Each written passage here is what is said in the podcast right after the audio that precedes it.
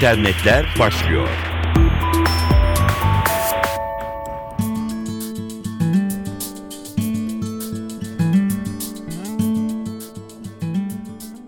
Merhaba, dijital dünyadan gelişmeleri aktaracağız. Ben Dilara Eldaş. Bir fidye şebekesi haberiyle başlayalım.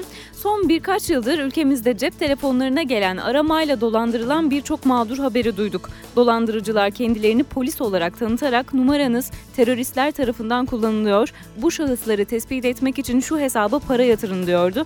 Bu aramalara ünlü isimlerin dahi kandığını gördük. Polis uyarıyor cep telefonunuza dadanan bu şebekelerden uzak durun. Şimdi benzer bir durumda bilgisayarlara dadanan dolandırıcılar için geçerli. Bilgisayarlara yerleştirilen bir yazılımla fidye toplayan bir şebeke Avrupa'da yakalandı. Şebeke, hedef olarak seçtiği bilgisayarlara yüklediği bir programla kişileri çocuklara cinsel taciz gibi yasa dışı içerikli sitelere girmekle suçluyor, onlara 100 euro ceza kestiğini söylüyor ve ardından bilgisayarlarını kullanabilmeleri için bu cezayı ödemeleri gerektiğine ikna ediyor.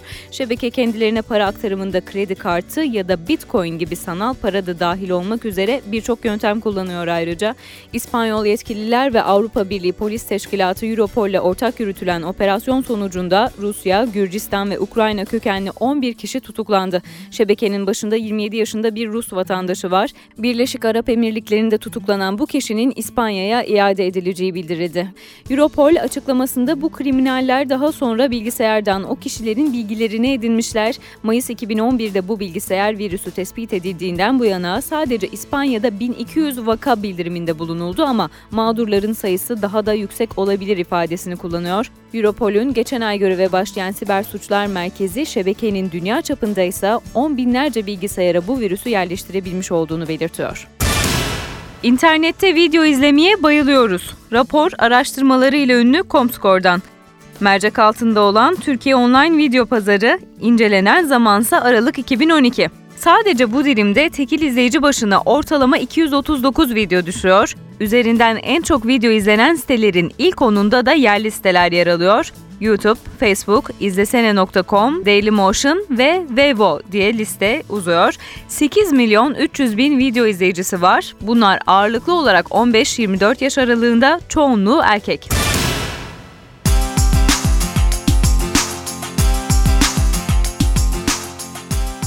Bilgi Teknolojileri ve İletişim Kurumu BTK'nın 2012 Temmuz ayından önce yayınladığı ve 24 Ocak 2013'te yürürlüğe girmesi beklenen elektronik haberleşme sektöründe kişisel verilerin işlenmesi ve gizliliğinin korunması yönetmeliği askıya alındı.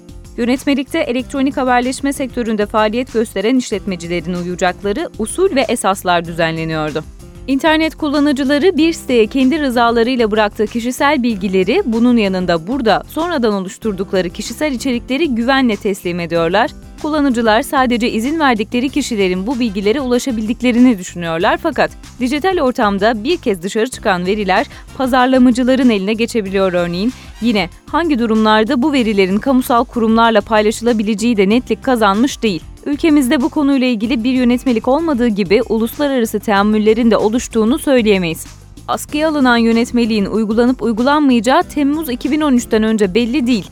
Bilgi Teknolojileri ve İletişim Kurumu'ndan da konuya ilişkin henüz bir açıklama yok.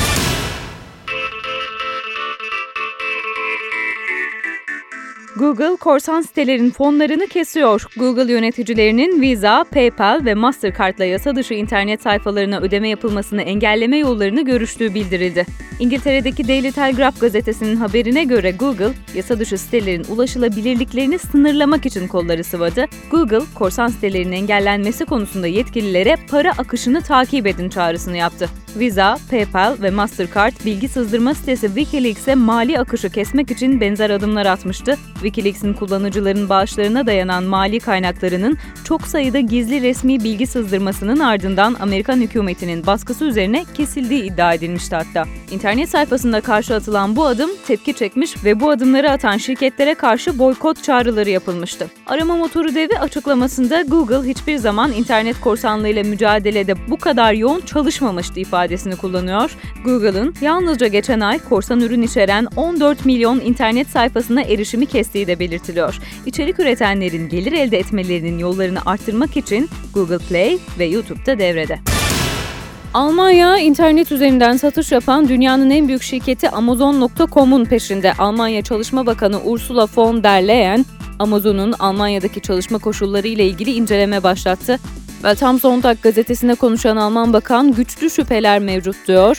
Bakan Amazon'a işçi sağlayan firmanın lisansının iptal edilebileceği uyarısında bulunuyor. İncelemenin sonucunda ortaya çıkan rapor bu hafta içinde hazırlanacak. Bir Alman televizyonunda yer alan özel haberde Amazon.com'un Bad Hersfeld kentindeki lojistik merkezinde çalışan geçici işçilerin hayat ve çalışma koşullarına yer verilmişti. Ekonomik kriz nedeniyle çalışmak için gelen göçmen işçilerin firmanın güvenlik görevlileri tarafından aşağılandığı ve kötü muameleye maruz kaldığına yer verilmişti. Güvenlik görevlilerinin neonazi gruplarıyla özleştirilebilecek kıyafetler giydikleri, işçilerin odalarında da sık sık arama yaptıkları kaydedilmişti.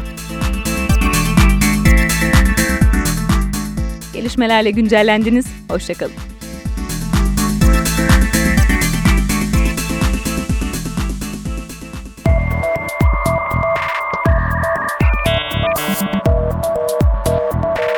İnternetler sona erdi.